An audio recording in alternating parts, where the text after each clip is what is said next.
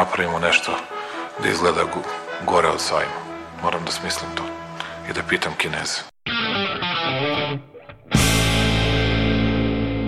I've today left hospital after a week in which the NHS has saved my life. Ne mogu da verujem da narod koji je preživao sankcije, bombardovanje, svakojako maltretiranje će se uplašiti najsmješnijeg virusa u istoriji čovečanstva koji na Facebooku postoji. And now I'm better and maybe I'm immune, I don't know. Dobro večer. Mene su poslali iz štaba. Ja ću vam pomoći. Aleksandar Kocić Jelena Viser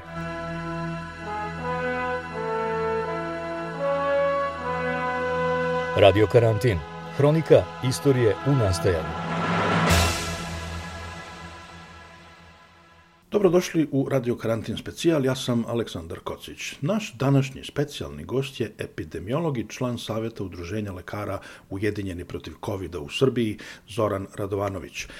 Sa njim razgovaramo o razvoju pandemije COVID-19 u Srbiji, potezima vlasti i kriznog štaba, legitimitetu tog istog kriznog štaba i o vakcini. Radio Karantin E, vidimo da se situacija epidemiološka u Srbiji e, i uopšte u regionu e, sve više pogoršava. Pa me zanima vaše mišljenje šta je potrebno preduzeti sada od mera, pošto vidimo da očigledno da ovo što je sada na snazi nije dovoljno. Znate, ovo što se sad dešava, posljedica je e, nepreduzimanja mera u ranijem periodu. I e, kroz to je prošao ceo region. Recimo, Hrvatska i Crna Gora su sjajno stajale na početku leta, ali onda su ovde te zemlje rešile da a, ne mogu bez turizma i da će da rizikuju eventualnu epidemiju da ne bi izgubili celu a, turističku sezonu. I onda su imali krajem leta taj i, vrlo visok porast. To se prelilo u Sloveniju, ali kažu da ogroman broj Slovenaca E, pomenju 100.000, čak ima e, vikendice na području Hrvatskog primorja i Dalmacije.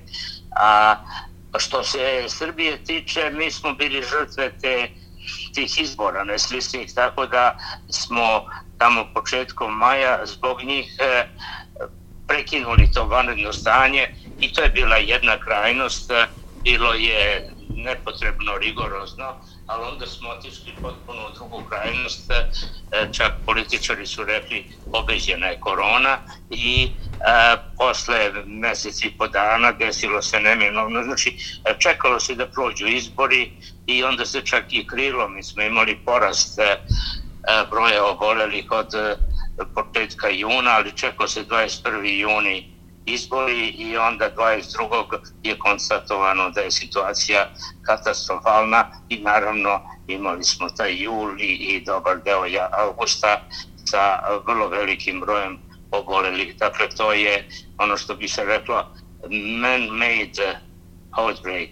A, mi smo ga sami napravili jer važniji su bili izbori od protivepidemijske borbe. A mi smo sada u problemu što ekonomija je na niskim granama i onda e, strahuje vlast da ako zatvori ugostiteljske objekte, a to prvo treba učiniti te mesta noćne zabave, znači noćne klubove, splavove, kod nas je na splavovima, na rekama, odvija noćni život, e, onda je to i e, prihod za državu, a s druge strane i vlasnici su e, ljudi bliski vlastima, to su pravi vlasnici, uh, ako se prokopa ko drži recimo neki splav i onda mimo propisa i muziku celu noć i sve ono što bi normalno bilo zabranjeno, to su onda ljudi iz tih eh, političko-kriminalno-navijačkih struktura iz tog posebno privilegovanog miljeja.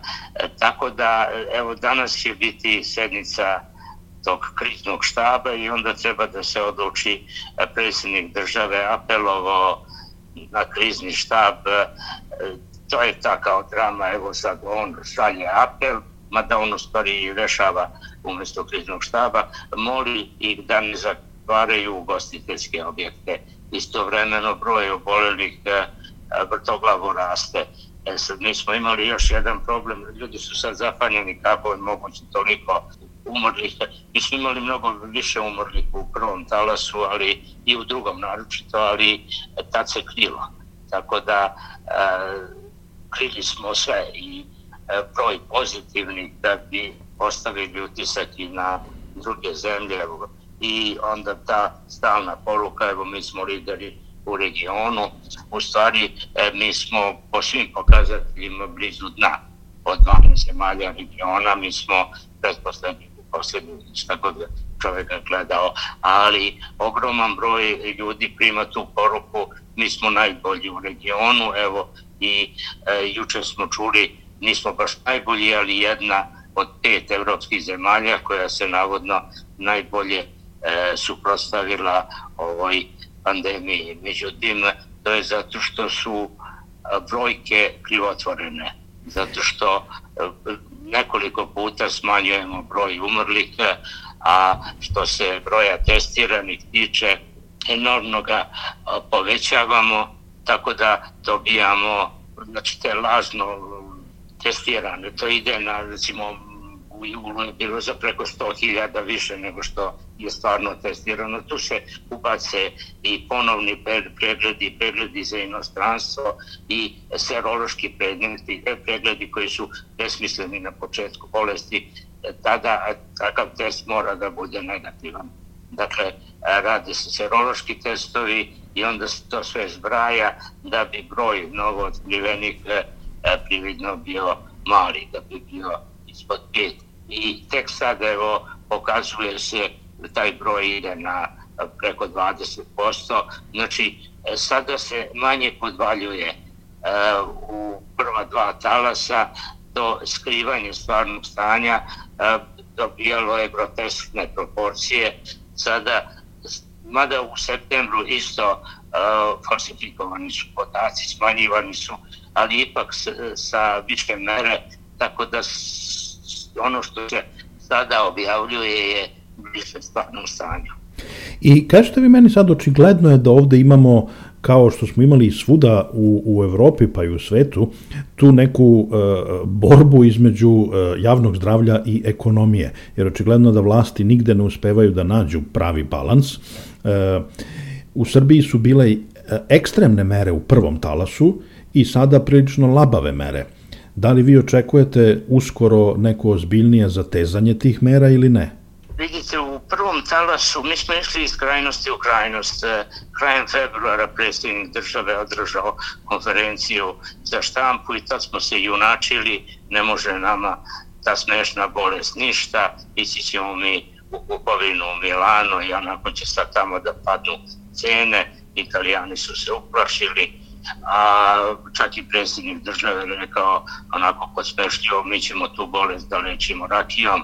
A, i onda posle nekoliko dana svaćeno je da je vrag odneo šalu i onda se otišlo u drugu krajnost samo pet nedelje kasnije posle te sramne konferencije za štampu predsjednik države je zavapio da će groba, groblja biti mala da prime sve koji će pomreti a, a tad je izgledalo da je broj obolelih i umrlih relativno mali. Recimo, kada je govorio o prepunim grobljima, je bilo 80-ak zvanično a, novo zaraženih. U stvari, pravi broj bio je nesumnjivo mnogostruko veći. Tako da smo otišli u drugu krajnost, u stvari, e, obustavili smo život, zabranili e, ljudima izlaza policijski čas preko vikenda i tako dalje, malo previše rigorozne mere su bile. E, e sad to se odrazilo naravno na ekonomiju, a sada evo bio je pre neki dan drugi rebalans budžeta, svaćeno je da da para nema. I, Pa, pa zvanično mi smo najbolji i evo, evropski rekorderi ćemo biti jer ćemo najbolje proći u ovoj pandemiji međutim, evo, freelanceri se sada pritiskaju, traži se od njih da e, retrogradno plate poreze i to ogromne, to ide na 80% njihovih ukupnih prihoda za posljednjih e, pet godina. To je nerealno, ali da se ono cedi se limun dok te može, traže se svi moći izvori prihoda. E, u prvom talasu e, zatvoreni su ugostiteljski objekti, ali su ugostitelji dobili određenu naknadu da ne bi otpuštali svoje radnike. E, sada je tu problem ko će da plati te kelnere, E, znači, e, ti pravi vlasnici, to su često ljudi koji ne žive, naprosto kad su u pitanju noćni krugovi, često oni ne žive od toga, to im je dodatni posao i e, oni bodyguards i telohranitelji koji čuvaju takve objekte, izbacuju pijance, kontrolišu ulazi povremeno se popiju i diluju drogu, to su isto uh, ljudi koji su preko dana u uniformi, to su policajci i e, ljudi iz sličnih struktura, nego problem je ta Kerner i kuvarice, ta sirotinja koja zaista živi od svog rada. A postavlja se pitanje njih, recimo, samo u Beogradu ima 60.000, a prva mera kada se zateže e, situacija je da se zatvore noćni klubovi, da se vreme ograniči do recimo 8 sati kako gde u Evropi. Kod nas je zvanično do 23 sata, ali u, u mnogim klubovima ostaje se do zore. Šta biste vi kao epidemiolog u ovom trenutku volili da vidite u Srbiji od mera? Mi smo preko udruženja lekara udruženi protiv E, pa i pardon, ujedinjeni protiv COVID-a, već predložili određene mere i još ranije e, najšire e, splet mera, znači isto se tiče epidemiologije i terapije, dakle, dosta sve poslali smo ministarstvu, nije bilo reakcije. Sada je koleginica iz Holandije, koja je doktor epidemioloških nauka u Rotterdamu sa nas nekoliko koji činimo tu epidemiološku radnu grupu poslala ministarstvu e, naš predlog, ne mogu da kažem zahteve, da se posebno što se ugostiteljskih e, objekata tiče mere poštre. Da li bi to bilo dovoljno, samo da se zatvore kafići i restorani? Ne, nije, ali vidite, to je e, sve ovde je propaganda. Navodno, evo, država je htela, ali e, nije bilo zakonskih e, mogućnosti, pa je sad, evo, e, danas se menja zakon, od sutra stupa na snagu. A, međutim, to je taj isti zakon. Mi smo na osnovu tog zakona 72. godine suzbijali velike boginje i uspešno smo to učinili. Zakon omogućava a, ograničavanje kretanja, blokiranje granica, mnogo toga što je korišćeno dakle, u vreme suzbijanja variole i što je moglo i sad da se koristi. I tačno u zakonu postoji 10 ili 12 članova koji su predviđene visine kazni za one koji se ne pridržavaju a, obaveza i zadužena je sanitarna inspekcija da to radi. I onda stalno se traže neki izvor, izgovori, evo nema u zakonu, pa šta ćemo, u stvari nije postojala politička spremnost. I još uvijek i predsjednik države se boji malo kad je on a, sklon je strogim merama. Letos nagovestio policijski čas. Onda je dobio demonstracije na ulicama. I on se e, boji radikalnijih mera da ne bi imao nemire tako da e, pribeglo se tom objašnjenju. Evo e, nemamo zakonsku osnovu i sad je zakon promenjen u stvari ništa suštinski nije promenjeno e, isto ono što je pisalo i ranije uz neke male izmene zato što krizni štab je u stvari jedno nelegalno delo formirano je na osnovu zakona o vladi a vlada ne može da formira tela van e, svoje nadležnosti, dakle, to postoji Republička komisija za e, sprečavanje zaraznih bolesti koja uopšte nije aktivirana, nego je mimo zakona e, formiran taj krizni štab, pa onda tek letos uh, dato neko objašnjenje kako je to retrogradno urađeno, a sad je to ugrađeno u zakon i evo sad legalno postoji taj krizni štab, a ujedinjeni protiv covid su se e, borili protiv toga, hteli su da se poštuje zakonska procedura, smatrali su da ta Republička komisija koja je za to zadužena i koju čine samo eksperti lekari, e, treba da odlučuje, a u ovom kriznom štabu koji je imao, sad ovaj novi ima 28, ranije imao više članova, onaj prethodni krizni štab, tu dominiraju političari, tako da lekari nisu mogli da dođu do izražnja.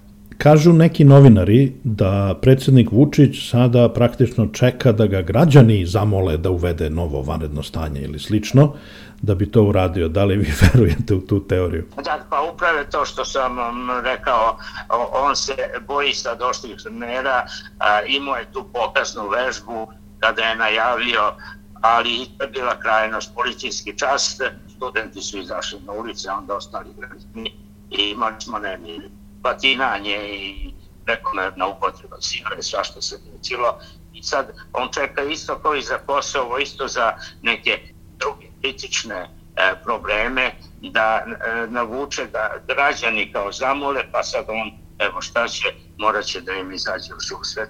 Ali suština je to da je oklevao i da ne bi navuko bez građana, zato što e, ne postoji a, poverenje ni u krizni štab, ni u zdravstvene vlasti, ni u vlast uopšte. A, a, e, to je sad ovdje poseban problem što već 30 godina ovaj narodni grubo varan i vučen za nos. Tako da a, ne postoje autoriteti.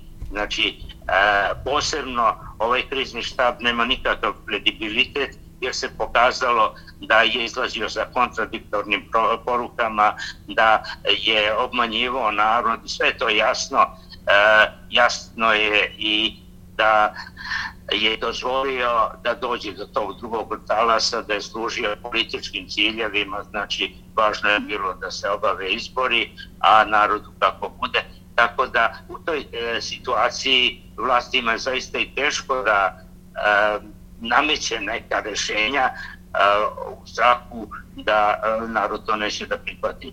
I onda evo to e, ta objašnjenja zakone dozvoljava pa će sad novi zakon navodno, a istovremeno čeka se da onda i ljudi sami e, kažu počekaj go vidi koliko je mrtvih. Zbog toga se, e, su sad i ti brojevi realni da bi se shvatila stvarna opasnost.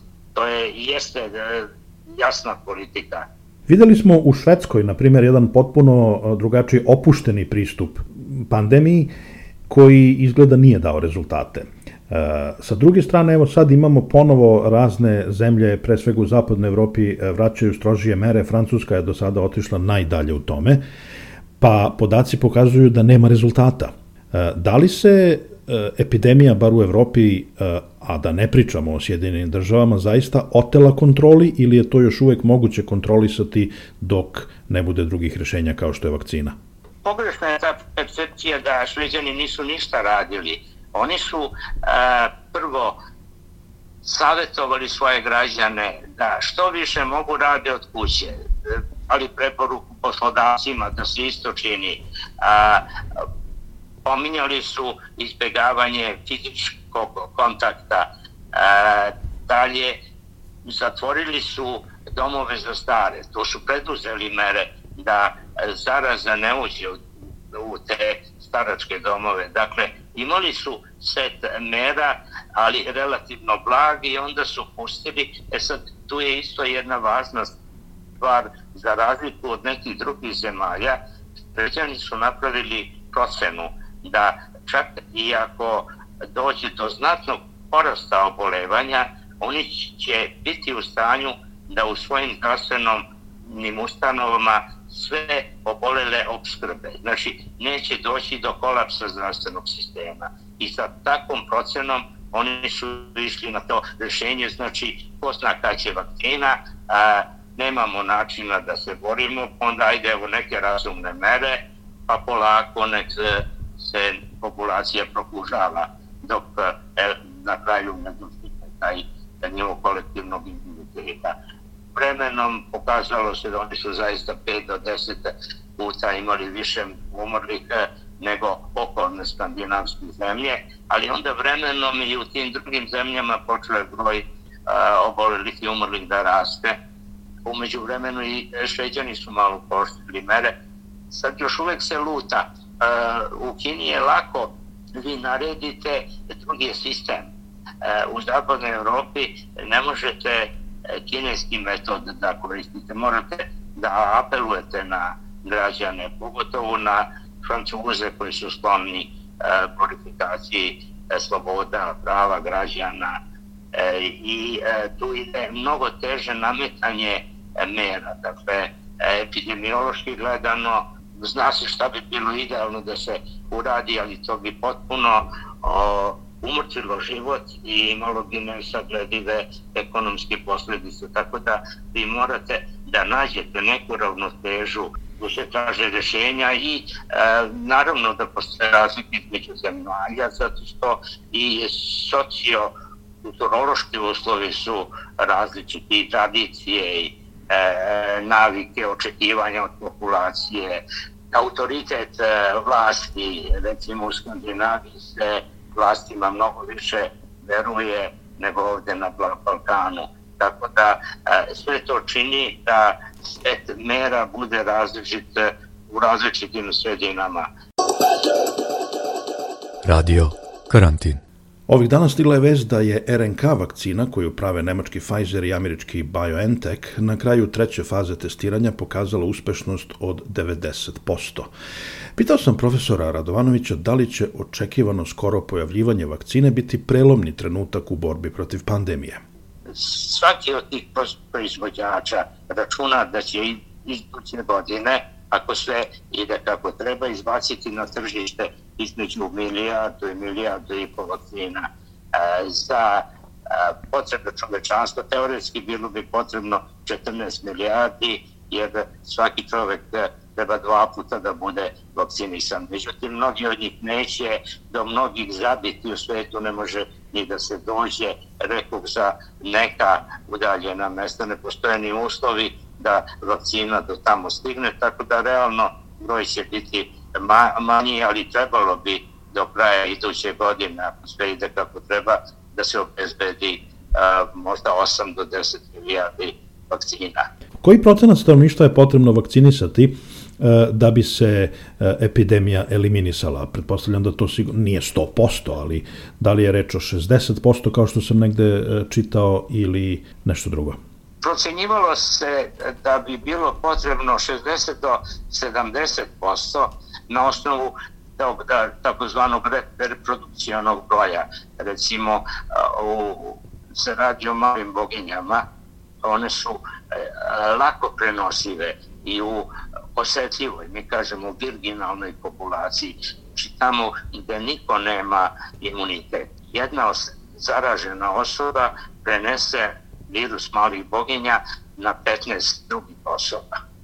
Znači, tu se onda bolest eksplozivno širi, 12 do 18, recimo 15 osoba. I onda e, treba vakcinisati preko 95% populacije da biste bili sigurni dobro, 94 minut, ali e, mi zvanično kažemo bar 95% populacije. Ovde taj reprodukcioni broj je manji, pa se procenjivalo 60 do 70, ali ne da bolest potpuno nestane, da bude eliminisana, nego da nema taj epidemijski karakter, da se eventualno sporadično javlja ili u pojedinačnim epidemijama, ono outbreak, ne epidemik. Znači da bude prisutna, da se povremeno javlja nekad recimo u toku zime, da postoji taj epidemijski talas, ali da sve to ima neke e, prihvatljive okvire i razmere. Pfizer je saopštio da je njihova vakcina uh, uspešna na 90% uh, testiranih. Šta to konkretno znači? Pa nijedna vakcina, skoro nijedna, ne štiti e, 100%. Recimo, vakcina protiv tetanusa, koja je sjajna, a, štiti skoro toliko, ali eto iskustvo iz drugog svjetskog rata, na primjer, pokazalo je, Amerikanci su imali 3 miliona ranjenih vojnika, a, svi oni su bili vakcinisani protiv tetanusa, zvanično svi su bili, a, 12 je dobilo tetanus, e sad od njih 12 e, a, polovina nije dobila vakcinu, još nekoliko njih samo jednu dozu nije e, propust, e, ovo, propisni tretman. Znači, ipak desilo se, on neko je oboleo među vakcinisanima, ali u Nemačkoj vojsi, na primjer, nikad nisu dati zvanični podaci, tetanos, tetanos je bilo neuporedivo više. Tako da ta e, vakcina koja je sjajna, bliži se tom idealu od 100%, ali ga ne dostiže. Za ovu vakcinu procenjivalo se da će zaštitni efekt biti 60 do 70 posto. To je ono bio našum se data procena, ono wild guess. A, a međutim, o, ovo je sad ohrabrujuća vest. Znači, računalo se da će ova vakcina biti nešto bolja od vakcine protiv gripa. E, vakcina protiv gripa, čak i ako pogodite soj, najviše što možete da očekujete je zaštita od 60%. A ovo 90% to je impresivno. Jedino uh, AstraZeneca, pa, pardon, Pfizer nije dao potpune podatke. Tako da uh, obolelo je 94 među onima uh, koji su ili uh, izloženi E, testiranju. To je ta treća faza. Neki od njih su dobili vakcinu protiv COVID-19, neki su čine takozvani placebo, dobili su drugu vakcinu u različitim testovima, zavisno od vakcine, koristi se uglavnom vakcina protiv meningitisa, koja koristi, nema štete, tako da i oni koji e, nisu zaštićeni od covid imaju neku korist što su učestovali u toj trećoj fazi. E sad, 94. je dobilo COVID-19 posle te vakcinacije, ako je 90%, to je informacija koju imamo, jer još u naučnim časopisima nisu se pojavili detalji, ispada da onda među vakcinisanima je sedmoro ili osmoro, ne više, a među nevakcinisanima, odnosno u toj kontrolnoj grupi je 86-87 obolelo. Dakle, imate 80 i e, nešto prema 6, 7 ili 8. To je jako ohrabrujuće. E sad treba i videti još nekoliko stvari. Zato se čeka da bi Amerikanci odobrili vakcinu, treba bar da prođe dva meseca od vakcinacije, u Evropi su kriterijumi strožiji, Evropska agencija za lekove iz Amsterdama e, o, čekala pa tri meseca. Znači, treba vidjeti kakve su postvakcinalne reakcije, da li je sve zaista tako dobro. O, o, za sada očekuje se i kod drugih vakcina da one budu malo burnije nego kod vakcinacije protiv gripa, ali da budu u prihvatljivim granicama i onda ostaje još eh, ono sledeće da se vidi koliko će zaštita eh, traje. Vi ste spomenuli da detalji u vezi sa ovim testom za ovu Pfizeru vakcinu još nisu uh, uglavnom poznati, još nisu objavljeni u stručnoj literaturi. Da li je e, neodgovorno od strane jedne tako velike kompanije da izlazi u javnost sa ovakvim e, vestima koje nije stručna javnost ni videla ni potvrdila?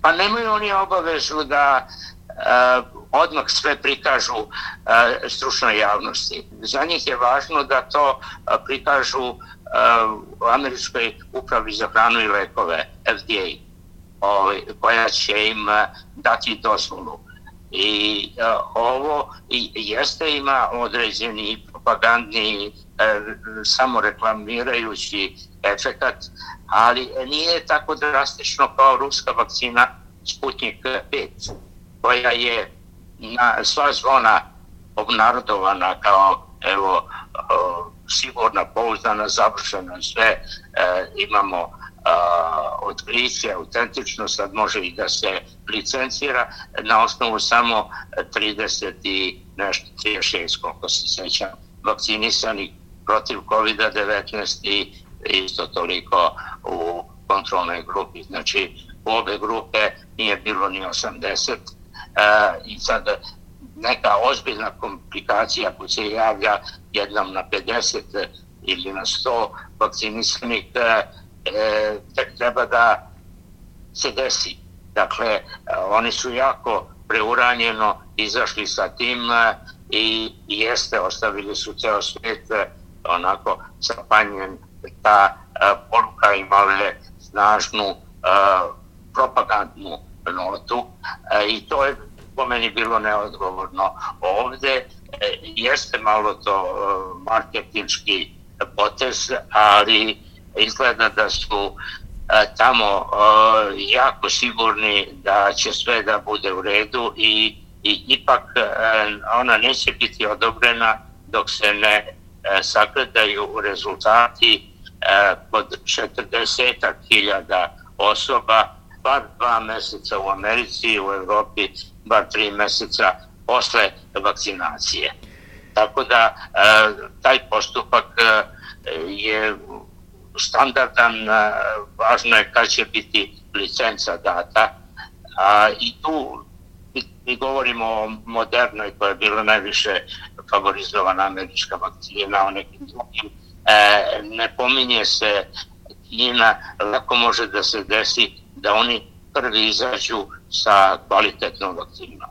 Mi još uvek imamo o Kini predstavu kao o zaostaloj zemlji, međutim u pogledu tehnologije oni e, nevjerovatnom brzinom napreduju. E, suština je u tome, neće to biti jedan pobednik e, i jedna zlatna medalja. To će biti bar pet najboljih vakcina koje će biti široko prihvaćene. E, da. Poslednjih godina svedoci smo eksplozije teorija zavere u vezi sa vakcinama E, i antivakserski e, pokret je prilično glasan svuda u svetu. Da li očekujete da će biti problema kada jedna vakcina e, uđe u upotrebu ili vakcine širom sveta, uključujući i Srbiju? Taj antivakcinalni pokret već postoji i jako je snažan i zbog tog pokreta nije iskorenjena nekoliko bolesti da nije bilo antivakcinalnog pokreta, mi više ne bismo imali dečju paralizu, ne bismo imali a, morbile i ne bismo imali a, rubelu, a, engleski rubelu. Dakle, a, tu su se javljali otpori i onda, a, recimo, a, novi svet, Severna i Južna Amerika, a, 2002. bile su a, morbili free, measles free, znači eliminisali su tu bolest, ali onda im je ponovo na, narednih godina unošena, pa onda 2016. ponovo proglašena je eliminacija u novom svetu. E, I imate i već sada i proteste, evo, hoće da nas vakcinišu protiv COVID-19, tu su neki čipovi, to je sve da bi Bill Gates zaradio. To su uh, čudni likovi, to su uglavnom uh, desničari ekstremni, e, ravnozemljaši, e, jako neobičnih e, likova ima, ali u sredinama gde postoji nepoverenje prema vlastima, oni e, su dosta snažni. Recimo u Skandinaviji takvih ljudi nema mnogo, ako ih uopšte ima, ali u Americi gde e, to jeste demokratska zemlja, ali nije E, oličenje socijalno pravednog sistema. E, tu, recimo, sveta taj antivakcinalni pokret i naravno ovde i u Hrvatskoj i u Srbiji i tu e, čak i pre 20 godina još kad su te ratne rane bile sveže i srpski i hrvatski antivakcinaši su sjajno sarađivali. Mnogo bolje nego privreda, a naravno neuporedivo bolje uh, nego političari. I sad vi imate ne samo antivaksere, nego i antimaskere, oni koji su protiv maski. Čak e, tvrde da će se tako čovjek truje, da kiselost krvi se povećava i niz drugih besmislica koje nemaju nikakvu naučnu osnovu. Epidemiolog Zoran Radovanović u razgovoru za Radio Karantin. Ja sam Aleksandar Kocić. Hvala vam što slušate ovaj podcast.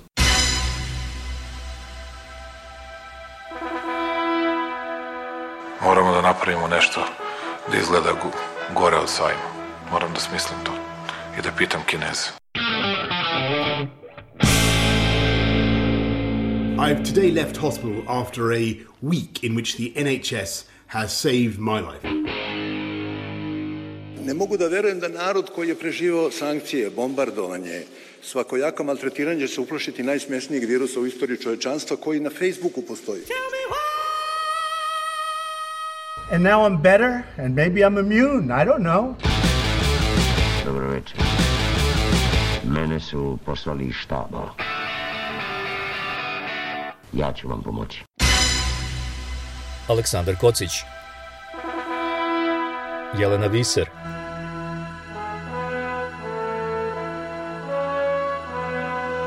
Radio Karantin. Hronika istorije u nastajanju.